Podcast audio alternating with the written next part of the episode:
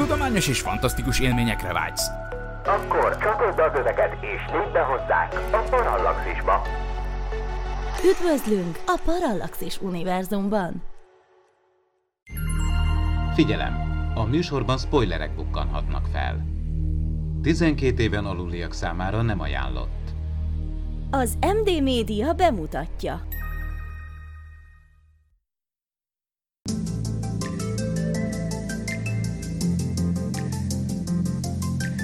Tudományos és fantasztikus beszélgetések színművészekkel Az ntv.hu archívumából. ez itt a Parallaxis Annó, az MD Média beszélgetős podcastje. Szia Balázs, köszönöm szépen, hogy elfogadtad a meghívást. Én köszönöm a meghívást, szia! Kezdjük teljesen az elején, hogy kerültél ide, hogy, hogy lettél színész, hogy kerültél be a szinkronba? Ide úgy kerültem, hogy szóltál, hogy itt vesszük fel. Különben pedig úgy kerültem a szinkronba, meg úgy lettem színész, hogy színész akartam lenni. Valahogy teljesen magától értetődő volt ez a dolog. Négy éves koromban még azért egy kicsit tipróztam, hogy vagy állatorvos, vagy színész. De aztán rájöttem, hogy színészként lehetnek állataim, viszont állatorvosként nem nagyon mehetek színpadra, úgyhogy teljesen egyértelműen eldőlt ez a dolog. Folyamatosan eh, olvastam, verseket mondtam, de már egész kis koromtól kezdve, sőt, egyszer egy nyaralás során, nem is tudom, már még csak ilyen kis totyogós voltam, művelődési ház színpadán a Balatonon volt valami mesemondó verseny, és mire anyukám fölnézett, egyszer csak azt vette észre, hogy én már a színpadon vagyok, és nem mellette ülök, és akkor elmondtam a, azt nem is tudom, hogy melyik mesét, a konferenci el volt tájolva, hogy ül egy kisgyerek, aki még annyira pici, hogy még a térdét se tudja behajlítani a széken, hanem így állnak előre a kis talpai, és elmondja az egész mesét, és akkor megkérdezte, hogy jaj, mondd kicsim, hány éves vagy? Addig semmi gond nem volt, mert folyamatosan elmeséltem az egész történetet, ahogy kellett előadtam, de ennél a kérdésnél egy kicsit zavarba jöttem, és akkor kifordultam a nézőtér felé, és megkérdeztem, hogy mami, hány éves is vagyok? Na ezt nyertem meg, ez, ez volt az első olyan. És hát innentől kezdve mindig eh, csak ez érdekelt, csak ezzel foglalkoztam, bekerültem a rádió gyerekstúdiójába, ahol eh, szombatonként voltak a foglalkozások, beszédtechnika, verselemzés, ritmusgyakorlatok, eh, improvizációs játékok és egy csomó ehhez hasonló dolog. Oda jártak be rendezők időnként, akiknek szükségük volt gyerekszínészre, és figyelték, hogy ki hogy dolgozik, és ott válogattak. Aztán így kerültem eh, először hangjátékokba, aztán eh, színház, szinkron, tévéjátékok, egyebek, és, és nem hagytam abba. Egész egyszerűen. Azóta is ezt csinálom. És aki az egészen fiatal Láng Balázs szeretné látni, annak jó alkalom a szomszédok egyik epizódja. Hogy kerültél bele a sorozatba? Ez is egy egyszerű dolog, akkor még nagyon másképp zajlott, mint most. Nem voltak ügynökségek, nem voltak eh, különböző szervezők vagy egyebek, lehet, hogy statiszta szervezők nyilván voltak, de hát volt színész egyeztető, és a rendezők, rendezőasszisztensek és egyebek azért úgy nagyjából ismerték is a színészeket, meg kérdezgették egymást, hogy ki, ki tud ajánlani, úgyhogy rém egyszerű volt a dolog, egyszer csak eh, megkerestek, fölhívtak, és azt mondták, hogy ekkor és ekkor tudok-e menni forgatásra. Fel tudod idézni a szerepedet? Emlékszel még rá jól? Jaj, nagyon rossz fiú voltam. A kisjenőnek a fiát játszottam, aki az átkos rendszerből maradt bakonyi elvtárs szerepét játszott. Én meg természetesen a funkcionárius, nagyképű, eh, elkényeztetett rossz fiát. Mindenféléket csináltam, rálőttem az erdőben a trokánikra, ha jól emlékszem, eh, diszidálni akartam, szóval ehhez, akkor még ez volt, hogy diszidálás, és emlékszem, a déli pályaudvaron forgattunk, és akkor ott vonaton próbáltam megszökni az országból, és amikor jöttek a határőrök, elbújtam a WC-be, meg nem, még mindenféle ilyesmi volt. Szóval nagyon rossz gyerek voltam. Viszont érdekes módon akkoriban, ez ugye sok minden olyasmit csináltam az életben, ami, ami azt hiszem, hogy úgy volt jelentős, vagy fontos, vagy nekem fontos, hogy valami értékes dologban voltam benne.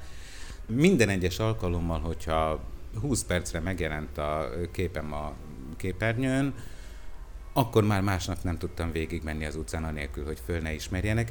Még eh, arra a hangjátékra, amit a Páger Antal, egy kétszereplős hangjátékot vettünk fel, és amire nívódíjat kaptunk, és amit borzasztóan szerettem, és nagyon nagy élmény volt az akkor 86 éves eh, Págerrel együtt dolgozni, arra a kutya nem emlékszik.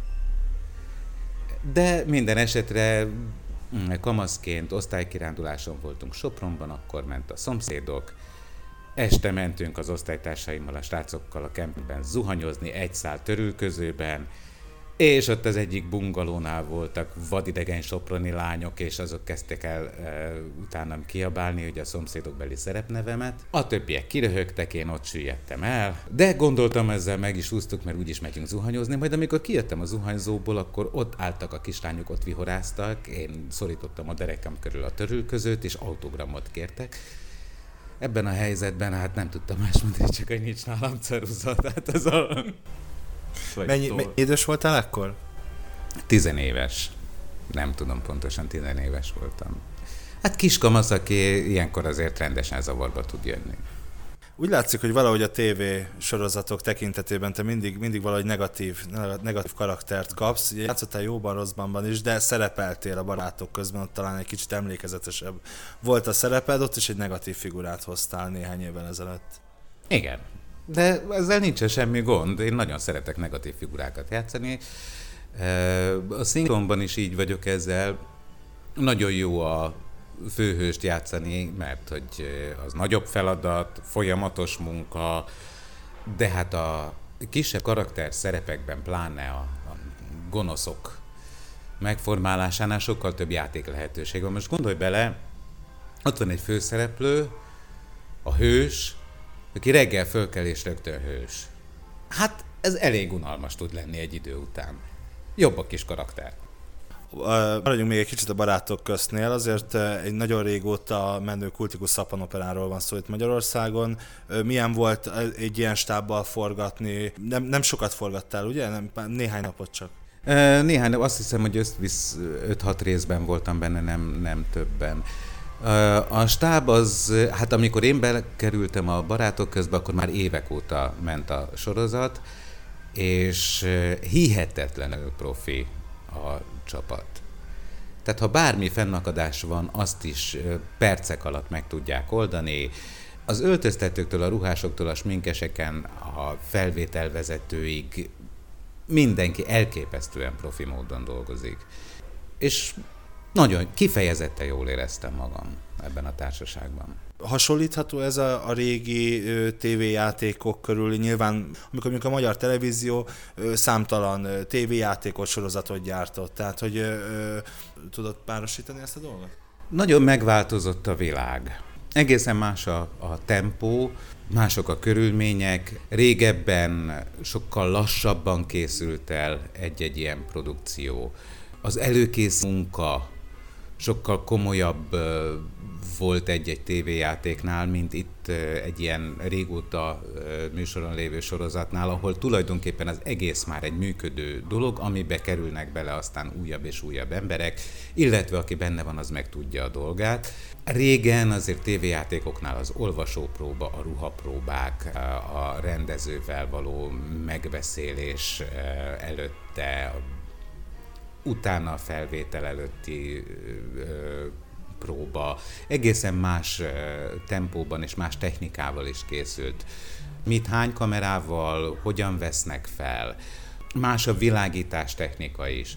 Tehát borzasztó a tévéjátékoknál is nagyon sokszor lelassította az egész folyamatot az, amikor végre már minden összeállt, minden készült, minden, ott állt mindenki statra készen, a rendezőnek mondták, hogy Forog, a rendező éppen mondta volna, hogy tessék, amikor megszólalt a kellékes, hogy ott a sarokban az a pókháló nem csillog eléggé, mindjárt lefújom, és abban a pillanatban esett szét mindenki.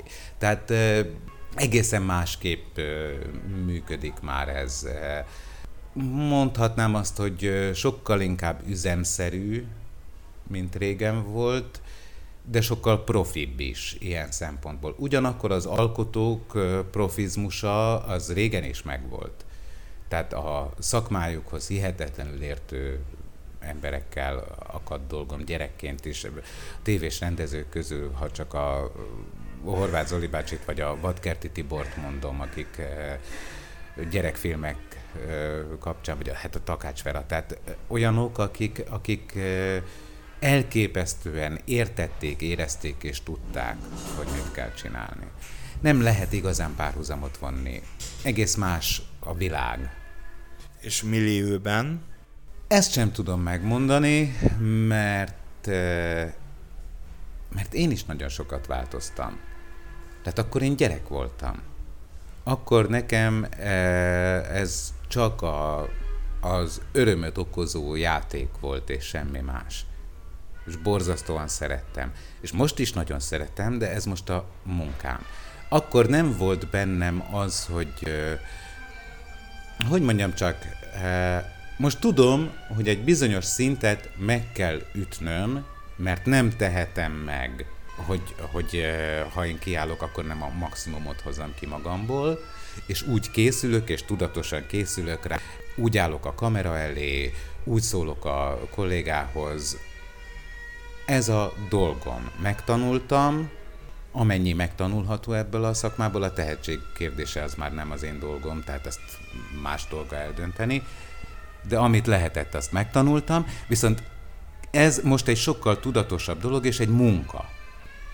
Régen nem volt munka, csak játék volt. E, nem, nem gondoltam bele, hogy nekem teljesítenem kell, hogy olyan minőséget kell produkálni, amit tőlem elvárnak. Egyszerűen csak élveztem és játszottam. Úgyhogy ezért nem tudok párhuzamot vonni a kettő között, mert én is megváltoztam azóta. Ajánló következik. Az emtv.hu bemutatja. Impulzus Podcast. A fedélzeten Csaba, Attila és Dév. Az űrszekerek hetente megjelenő kibeszélőjét keresd az impulzuspodcast.blog.hu oldalon. Ajánlót hallhattatok. Emlékszel az első szinkron szerepedre? Az első szinkron szerepemre arra nem. Nem tudom pontosan, hogy mi volt az első. Azt tudom, hogy az első főszerepet a Juhász Annától kaptam gyerekkoromban. Az a Carl Gustav bandája című skandináv film volt. Erre is pontosan emlékszem. De, de hogy mi volt igazából az első, azt nem tudom. Hát ez nyilván valami kisebb szerep volt. És akkoriban azért több dolgot is csináltunk. Akkor egy-egy film szinkronja is e, több hét alatt készült, tehát egy-két hét volt, amíg, amíg e, fölvettek egy szinkron, ma meg pár óra alatt. Sokat változott, pont amit most te is említettél, a, a szinkronkészítésnek a folyamata, de mégis mi az, amit a legfőbb különbségnek látsz ma? Megint csak azt tudom mondani, hogy az üzemszerűség. Régen a technika miatt egészen más volt a helyzet. Régen nem volt fülhallgató. Tehát úgy zajlott a felvétel, hogy a nagy kivetítőn, a nagy vásznon ment a jelenet, tekercsekre szétszedve, és azért is hívják tekercsnek, mert akkor még effektíve tekercsekre voltak szétszedve ezek a jelenetek, és aztán a felvonás közben meg fűzés volt, és akkor szünet, akkor szünet volt, mert hát az időbe került, amíg a tekercseket kicserélték és átfűztek egyik felvonásból a másikba. Tehát először is ment a nagy kivetítőn, jól látható volt a kép, lement a próba úgy, hogy hanggal, amit végignéztünk. Utána az ember rápróbálta, még mindig hang is hallatszott, a képet is láttuk és rápróbáltuk, majd utána levették a hangot és felvétel. Egy idő után ott is előfordult, hogy az ember már kapásból tudta felvételmet csinálni, de az csak bizonyos alkalmakkor fordulhatott elő, mert képen kívüli szöveget meg kellett jegyezni, hogy hol hangzik el. Tehát az, azt az embernek tudnia kellett, hogy hol volt, hiszen nem hallotta közben a hangot felvétel közben, hogy hol szólal meg a színész. Tehát valamihez kötni kellett, hogy hol. Ez viszont azért volt jó, hogy nem volt fülhallgató, mert ha megfigyeled, nagyon sokszor a rutinból készült felvételeknél, és nyilván én is így vagyok ezzel, megpróbálok figyelni rá, de egész biztos, hogy a, a napi munkában, ha nagyon sokat dolgozom, akkor velem is előfordul.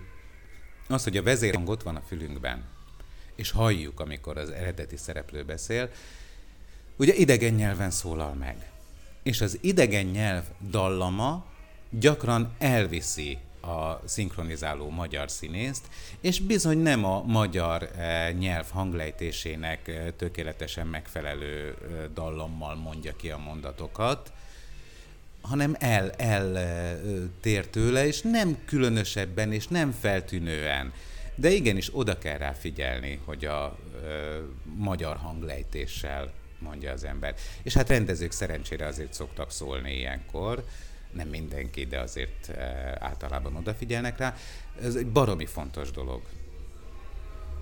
Tehát e, ebben például nagyot változott a, a szinkron, és hát abban is, hogy sokkal többször e, ugrik egyik figurából a másikba az ember, és nagyobbak a, a váltások. Kimegyek az egyik stúdióból, és már a szomszédban folytatom, és a másikban egy egészen más figuraként.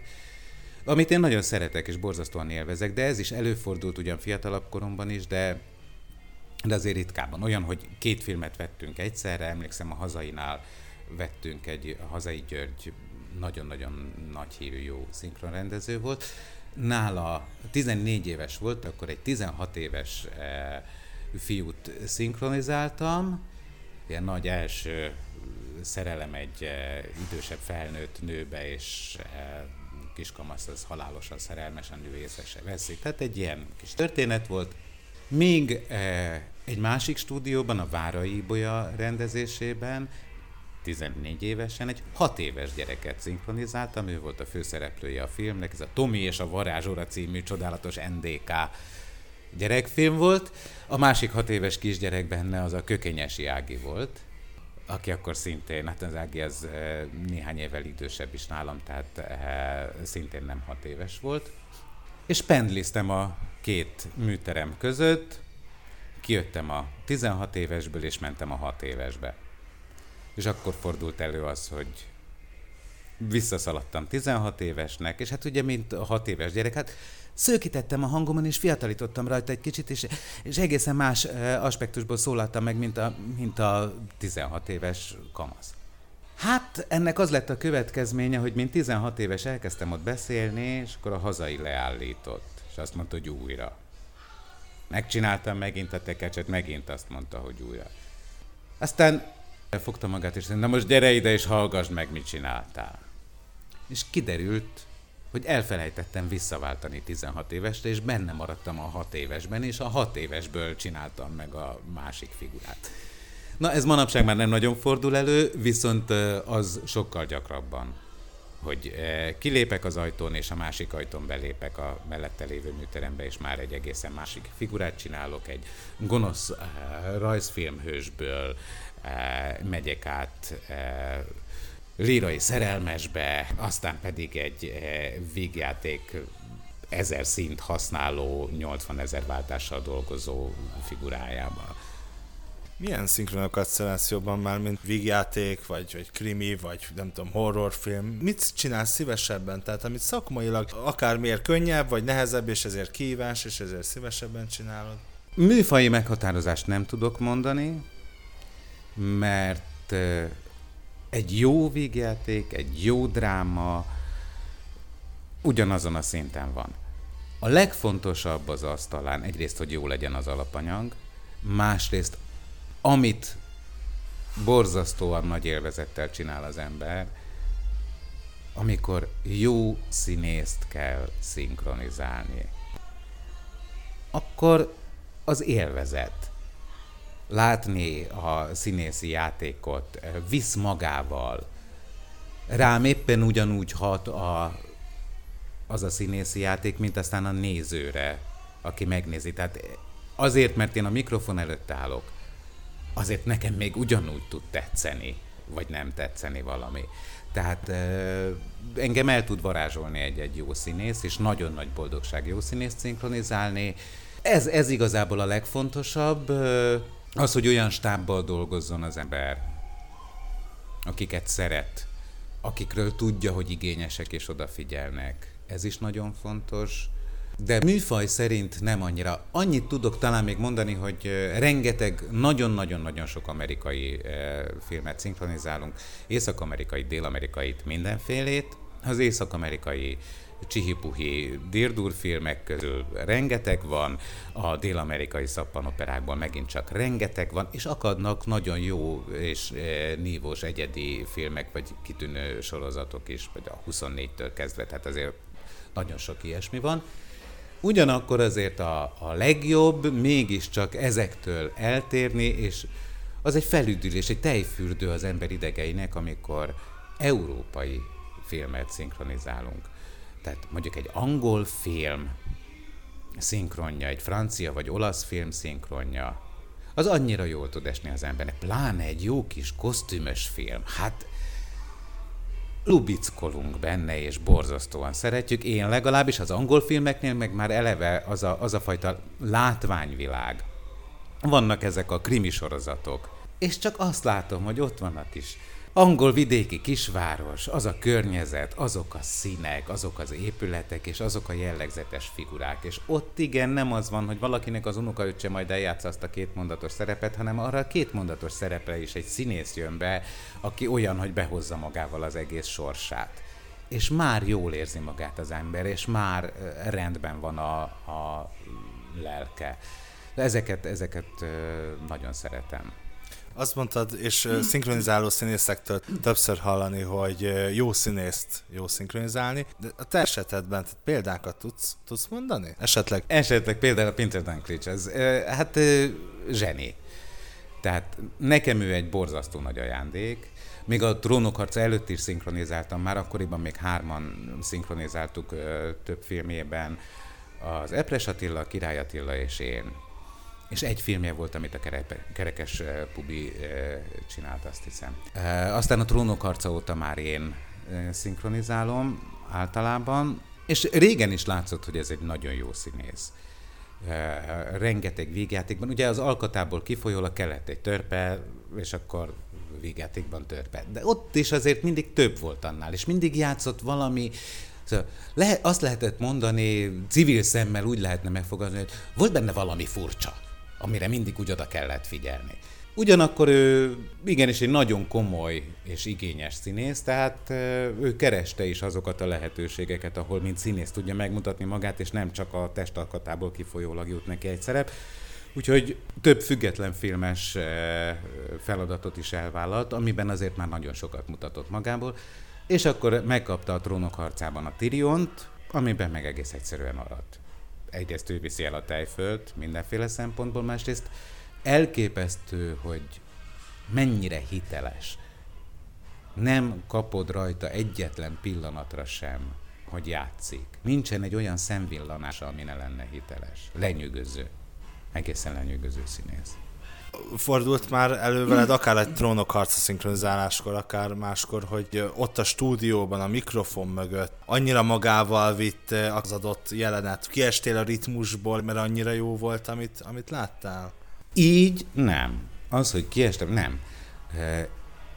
Éppen, hogy az ellenkezője fordul elő, hogy annyival, hát nem mondanám, hogy könnyebb, annyira magával ragad az egész, és úgy hat rám annak a színésznek a játéka és a történet, és mondjuk ez leginkább tragikus történeteknél, vagy olyan, olyan momentumoknál fordul elő, ami föl is zaklatja az embert, Ráadásul nem csak nézem azt, amit ö, csinál, hanem én mondom ki azokat a szavakat.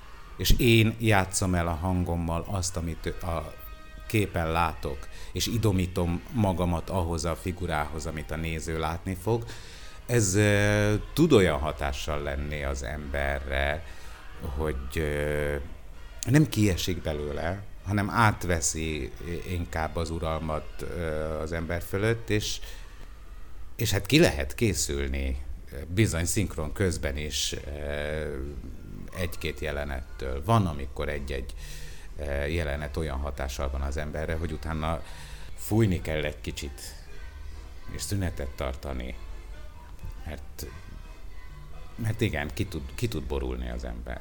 Anélkül, hogy konkrétumot mondanál, volt olyan felkérés szinkron, amire nemet mondtál?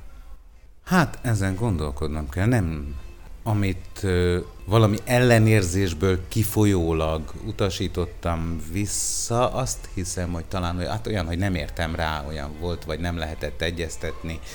Ilyen előfordult, de műfajok ellen nincs kifogásom, karakterek ellen nincs kifogásom, szerep a szerep, és az ember eljátsza. Nyilván, ha egy náci propaganda filmre kérnének fel, akkor azt nem vállalnám el. Ha hozzánk hasonlóan neked is szenvedélyed a tudomány és a fantasztikum, és szívesen lépsz be a Parallaxis univerzumba, arra kérünk, hogy legyél a támogatónk és segíts te is az ismeretterjesztést. Látogass el a patreon.com per Parallaxis címre, ahol a különleges tartalmak mellett már akár napokkal korábban hallgathatod a Parallaxis podcast legújabb részét. patreon.com per Parallaxis.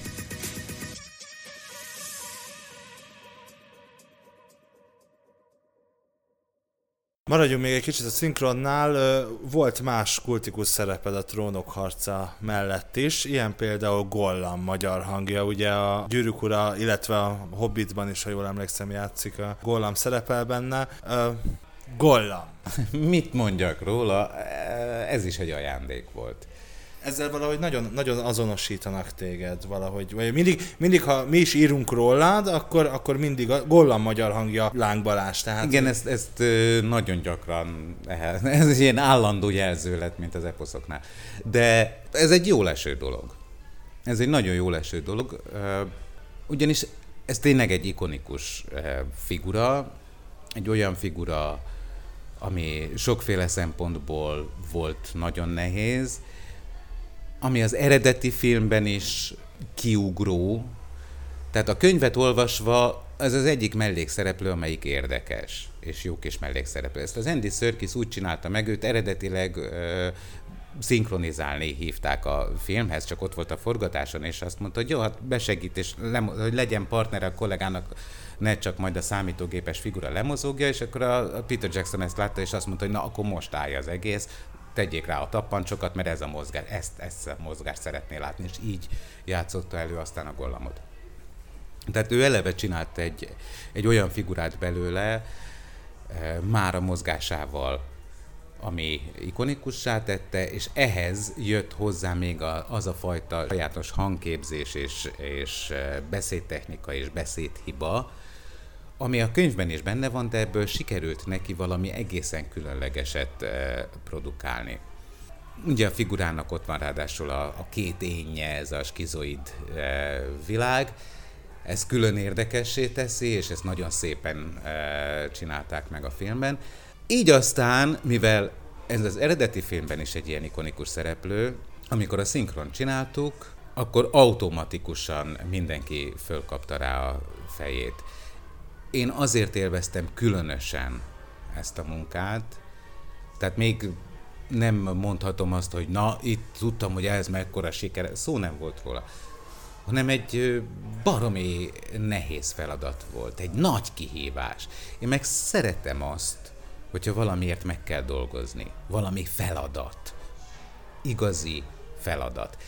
A szakmának ebben a részében, tehát a szinkronban sokkal ritkábban adódik ilyen lehetőség. Színházban, filmen eh, sokkal gyakrabban előfordul, mint a szinkronban. Na ez viszont egy ilyen eh, feladat volt, amire mondhatnám, hogy ilyen egy életben egyszer adódik egy, egy eh, színésznek, ahol ugye nem elég az, hogy szinkronban kellett lenni a színésszel, nem elég az, hogy azt kellett visszaadni, amit ő játszik, nem elég, hogy skizofréna figura és kétféle énje van, hanem mindehez eh, azzal a fajta furcsa hangképzéssel, azzal a beszédtechnikával, azzal a beszédhibával kellett megszólalni, mindezt úgy, hogy közben játszak, de érthető is legyen a szöveg, ne menjen az érthetőség rovására. Nehéz, nagyon nehéz feladat volt, és én ennek meg nagyon örültem. Hogy fogsz neki egy ilyennek, otthon próbálgatod a, a hangot? Nem, erre nincs is lehetőség. Az első részben a rendező Csörögi István osztotta rám ezt a szerepet. Tudni lehetett, hogy a második, harmadik részben futja ki magát.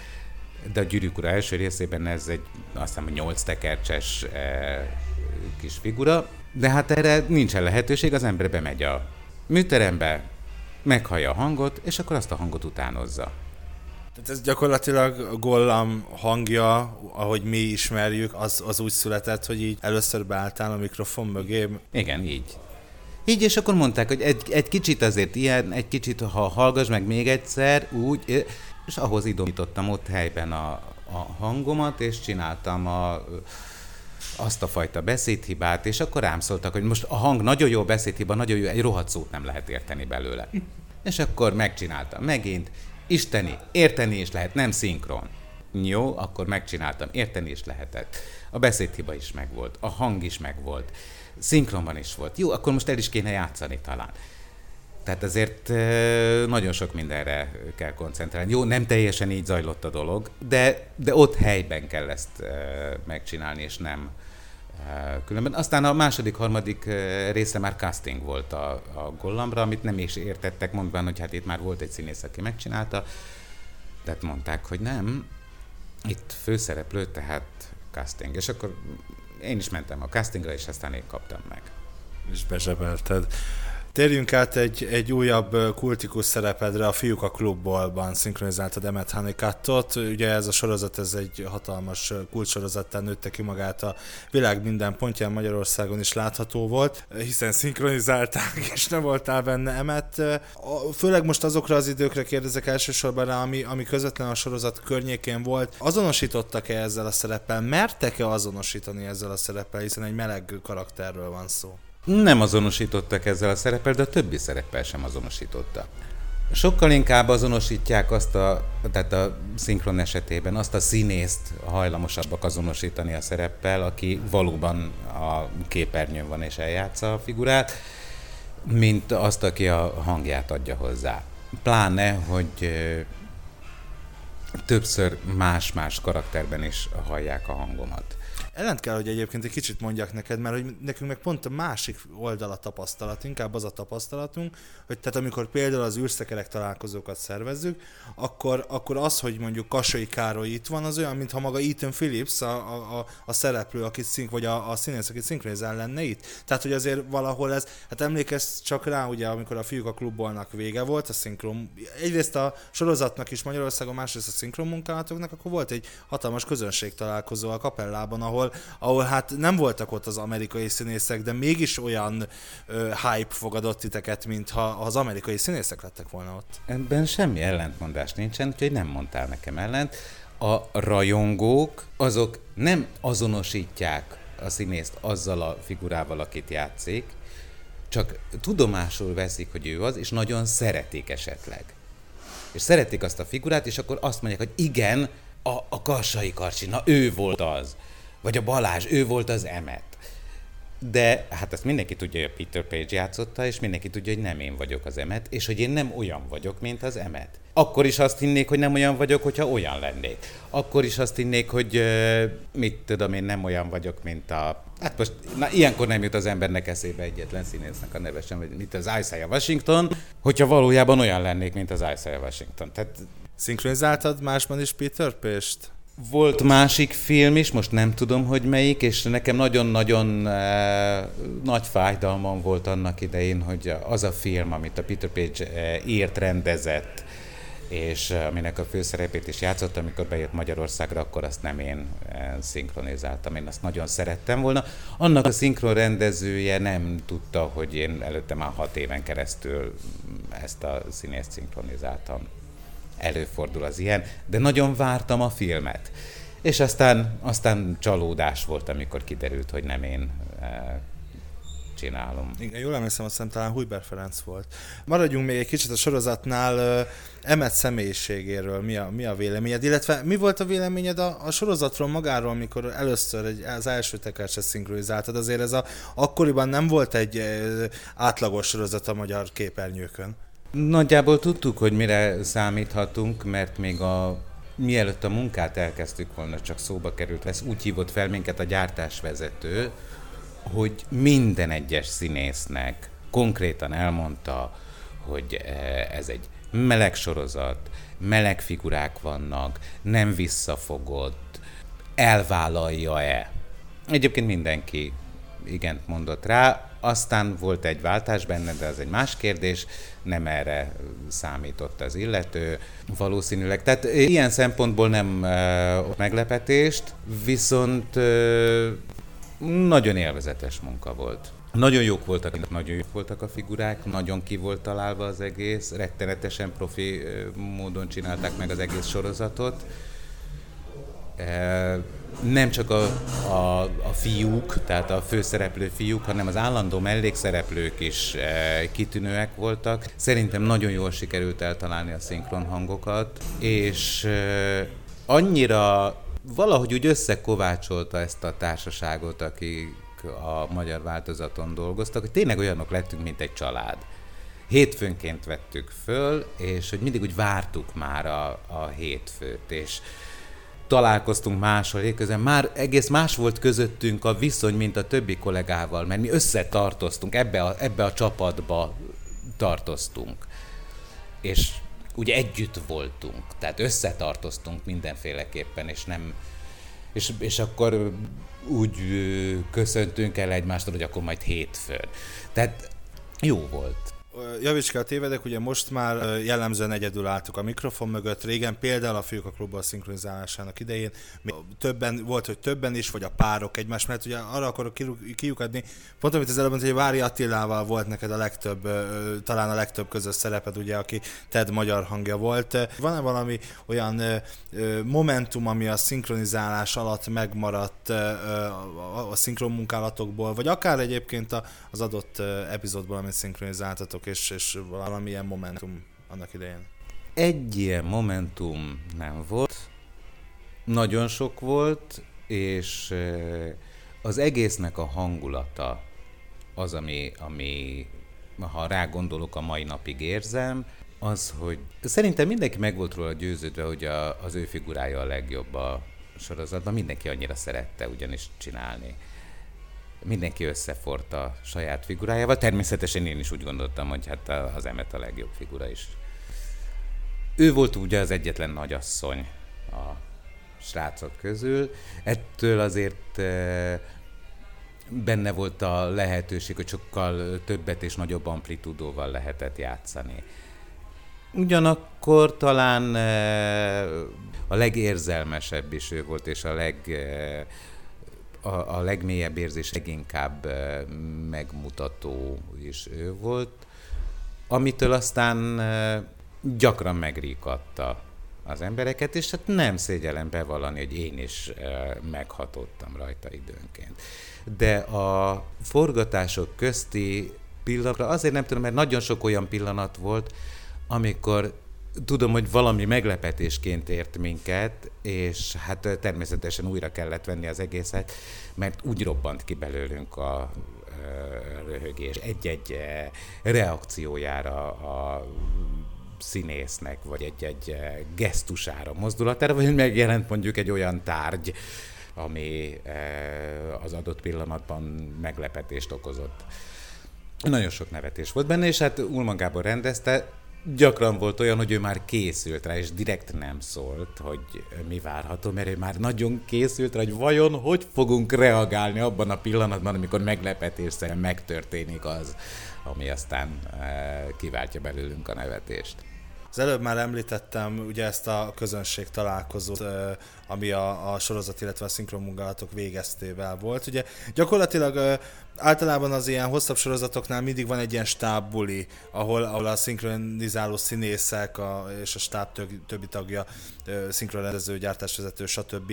nem tudom, kerti partiznak egyet, vagy megisznak valamit, és gyakorlatilag ezt terjesztettük ki akkor Ulman Gáborral egy ilyen közönség találkozóvá. Okozott-e, nem nagyon vagy a meglepődés ember, meglepődések embere, de meglepetésként érte esetleg, vagy meglepődtél a, a, a hatalmas nagy sikeren, ami, ami ott titeket Uh, inkább azt mondanám, hogy nagyon jól esett, és volt, uh, igen, azért, azért ekkora sikerre nem számítottam, de érezhető volt.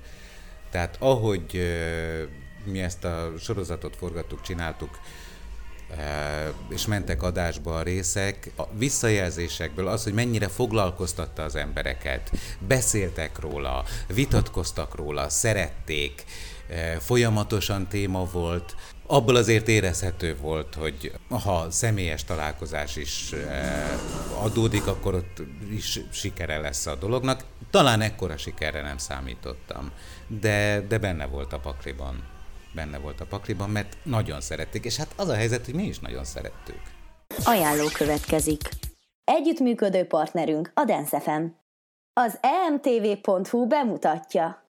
A következő parallaxisban.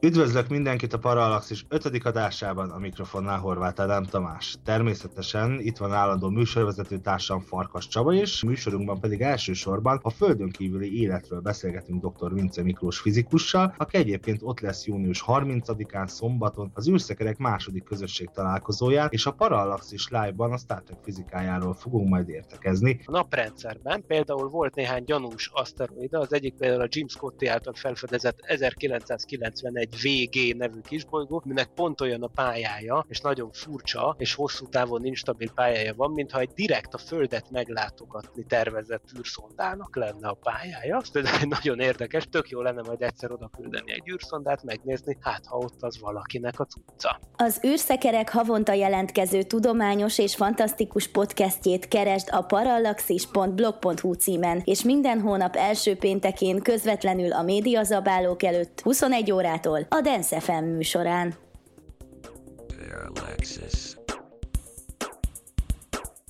Ajánlót hallhattatok. A Minimax csatorna hangja voltál néhány évvel ezelőtt. Hogy kerültél oda? Élvezted? Miért hagytad abba? Úgy kerültem oda, hogy hívtak. Castingra vagy kifejezetten téged? Erre most nem is emlékszem pontosan.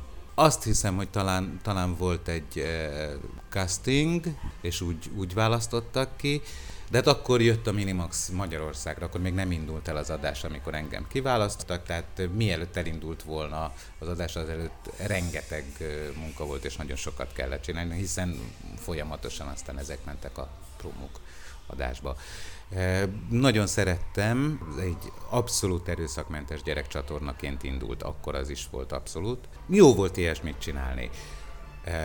Nagyon figyeltem arra, hogy véletlenül se gügyögjek a gyerekeknek, meg ne akarjak vagányan gyereket játszani, vagy bármit, hanem tekintsem őket egyenrangú partnernek, és úgy szólaljak meg egy-egy ilyen promóban. Az eredeti francia tulajdonosoknál ez egy kicsit gondot is okozott, azt tudom, hogy az első felvételeknél mondták, hogy hát náluk ugye a francia hangja a csatornának az sokkal nagyobb amplitúdóval beszél, és sokkal dallamosabban, és mondtam nekik, hogy ne haragudjanak, de a két nyelv között borzasztó nagy a különbség. Tehát ha meghallja, hogy uh, hogy mond el egy mondatot egy francia, és hogy mond el egy mondatot egy uh, magyar, akkor ugyanaz a mondat egészen másképp hangzik. Ha én a francia dallamossággal mondom azt a mondatot, akkor engem fognak hülyének nézni egyrészt, vagy pedig azt gondolják, hogy én nézem hülyének a gyerekeket, és nem fogják szeretni. Ezzel meg kellett egy kicsit harcolni, mert a magyar az egy ereszkedő tónusú nyelv, tehát ez más-más a hanglejtés, ereszkedő lejtésű.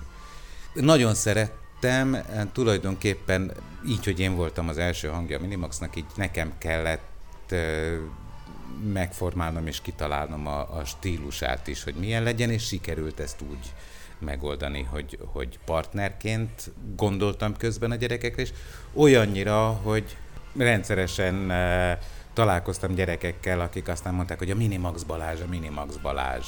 Na végre, na végre. Hát ne hallották a hangomat. És akkor kérdezték, hogy kicsoda, és akkor mondta anyjuk, hát hogy a Láng Balázs, amit, és akkor az egyik gyerek rohant a másikhoz, és mondta, hogy itt a Minimax Balázs, itt a Minimax Balázs. Miért hagytad abba? A csatorna akart váltani, vagy te nem tudtad már vállalni? A csatorna akart váltani, mondjuk így. Hát akkor erről nem is kérdezek többet. Viszont aki ismer téged, az tudja jól, hogy nem rejted véka alá a véleményedet. Akár Facebookon, akár bármilyen platformon. Mi a véleményed itt a jelenlegi, jelenlegi helyzetről? Most természetesen nem mély politikai kérdésekben, kérdéseket szeretnék megvitatni, de, de, de mi a véleményed? Mit látsz? Mit tapasztalsz? Akkor elmondanám, hogy én alapvetően nem politizálok. Ez persze ma elkerülhetetlen, mert mindent úgy átitatott a politika, de nem vagyok egyetlen irányvonalnak sem az elkötelezettje, nem vagyok e, tagja semmilyen pártnak, és ha már a helyzetet kérdezted, akkor pont azért nem vagyok tagja semmilyen pártnak, mert ma Magyarországon nincsen egy olyan párt, egy olyan politikai tömörülés, ami teljes merszélességgel föl lehetne vállalni egy tisztességes embernek. Én ezt így gondolom.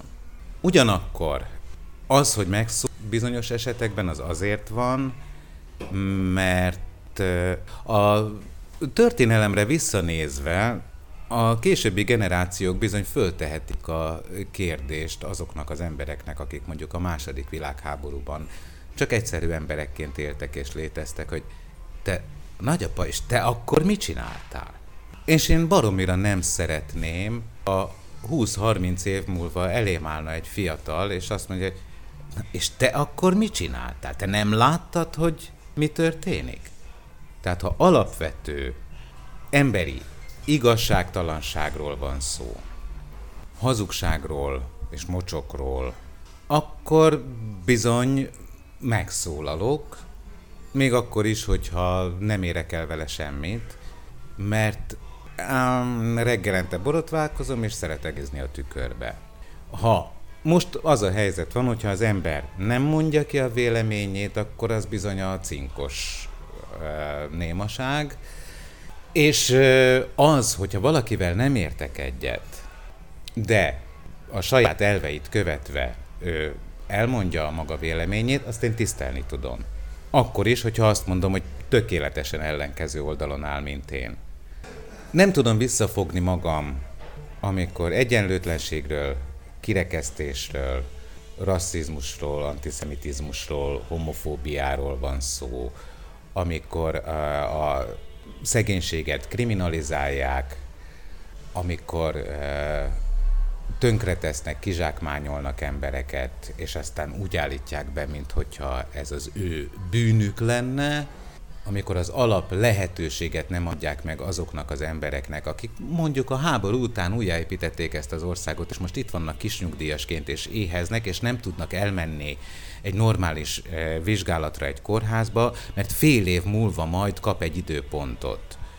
Ezeket én tűrhetetlennek tartom, arról nem beszélve, amikor itt van egy felnövekvő generáció, és hogyha most szétrombolják az oktatási rendszert, akkor mi lesz a következő generációval, aki a helyünkbe lép? És hála jó Istennek a mostani e, fiatalok, azok már a rendszerváltás után születtek, nem abban a rendszerben szocializálódtak, mint én, meg te, meg mi. Tehát ők ezt elég pontosan látják. És ők hajlamosak is rá, hogy megszólaljanak. Oda kéne rájuk figyelni.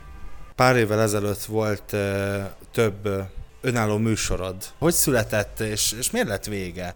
Személyest. Ez volt a... Mert hogy nagyon személyes volt ez az este, és önálló est, ezért volt ez az alcíme a műsornak, ami amúgy az agytakarítás címet viselte. Akkoriban nagyon sok minden dolgozott bennem, sok párhuzamot találtam az akkori világban és egy korábbiban, nagyon sok olyan járt az agyam, hogy honnan hová jut el a társadalom, honnan hová jut el az ember. Ezt nem ennyire konkrétan így végig gondolva, de hát folyamatosan kattogott az agyam. Ami azt jelentette, hogy időről időre egy-egy helyzetben eszembe jutott egy-egy irodalmi alkotásból egy-egy részlet, ami pontosan lefette azt a pillanatot. Igen, eszembe jutott egy-egy adisor, vagy eszembe jutott József Attila, ami passzolt arra a helyzetre, ami éppen a mindennapi életben történt, a napi politikában, az emberek között, stb. És egyszer csak azt vettem észre, hogy bizonyos dolgok gyakrabban jutnak eszembe. Én akkor elég sokat léptem föl erre-arra, ráadásul a szabadságtéri tüntetésnek is állandó részt voltam, tehát minden áldott napot álltam és mondtam a verseket a szabadságtéren, Ugye ez az emlékmű elleni tiltakozás volt. Pontosan. Egyszer csak elkezdett bennem összeállni egy ilyen önálló műsor, aminek aztán adtam egy ilyen dramaturgiai vonalat, tulajdonképpen ez a, a Honnan hová jutunk című dolog, de egy ember életén belül honnan hová jutunk, kezdve a kisgyerekkortól egészen a végig, hogy hogy nyílik ki a gondolkodásunk közben, hogy érnek minket tapasztalatok, és hogy formálják ezek az életünket, és ebből egyszer csak egy ilyen kis történelmi áttekintés is e, lett. Nagyon-nagyon vegyes műsor volt. E, nem akartam e, egy nagyon súlyos, mély irodalmi műsort csinálni, úgyhogy ebben volt népdal, angol gyerekvers, Vörös Sándor vers, sanzonok, kuplék, operaária, József Attila, Radnóti, Orbán Otto, Karinti, teljes vegyes felvágott örkény, tehát színdarab részlet, vers, prózai mű és különböző zenés betétek együtt adták a, a műsort, ami így állt össze egy teljes egész, és úgy érzem, hogy ez nagyon én voltam. Nagyon önmagam voltam. És miért lett vége? Abban az évadban ment, és utána nem került többet műsorra. Az az igazság, hogy nem is nagyon volt reklámja ennek, tehát a, az, hogy az elején voltak egy-két teltház volt, és utána nagyon szerették azok, akik látták és jöttek és nézték. Igazából nem sok emberhez jutott el a híre, hogy ez van. De ettől függetlenül uh, utcáról jöttek emberek, és, és nézték, és szerették, sőt, voltak olyanok, akik uh, többször is eljöttek megnézni az előadást. Tervezel még hasonlót esetleg? Van valamilyen jellegű terved? Az mindig a helyzettől függ. Az embernek mindig vannak tervei, lelki állapottól is függ attól is függ, hogy kell-e mondani valamit, attól is függ, hogy szükség van-e rá, hogy megszólaljon az ember, van-e rá igény, befogadókészség, van-e értelme megcsinálni, és hogy van-e rá lehetőség. Tehát nagyon sok mindentől függ, mindig vannak az embernek tervei. És végezetül, hogy jellemeznéd magad, hogy foglalnád össze néhány mondatban, hogy kicsoda Láng Balázs? Talán azt, hogy, hogy megtaláltam önmagamat. De teljesen biztos vagyok benne, hogy én én vagyok, és hogy csak így élhetek, és így tehetem a dolgomat, és hogy teljesen, teljes mértékben önazonos vagyok minden téren, mindent vállalok, amit kimondok, mindent vállalok, amit teszek, a hibáimat is épp úgy vállalom, mint az összes jó vagy rossz eh, tettemet. Azt hiszem, hogy ez a, ez a legfontosabb, hogy én, én vagyok önazonos, és, és ez így jó. És ettől vagyok szabad. Nem volt elég a tudományból és a fantasztikumból? Olvasd a parallaxis.emtv.hu, lájkold a Facebook oldalunkat, nézd a YouTube csatornánkat, és hallgassd a Szokolébresztőt a Tilos Rádióban. A Tudományos Újságíró Klubja és a Tudományos Ismeretterjesztő Társulat által a Juhari Zsuzsanna díj külön díjával jutalmazott blog podcastjét az MD Media készítette. Kreatív producer Horváth Ádám Tamás. Hamarosan jön a következő rész.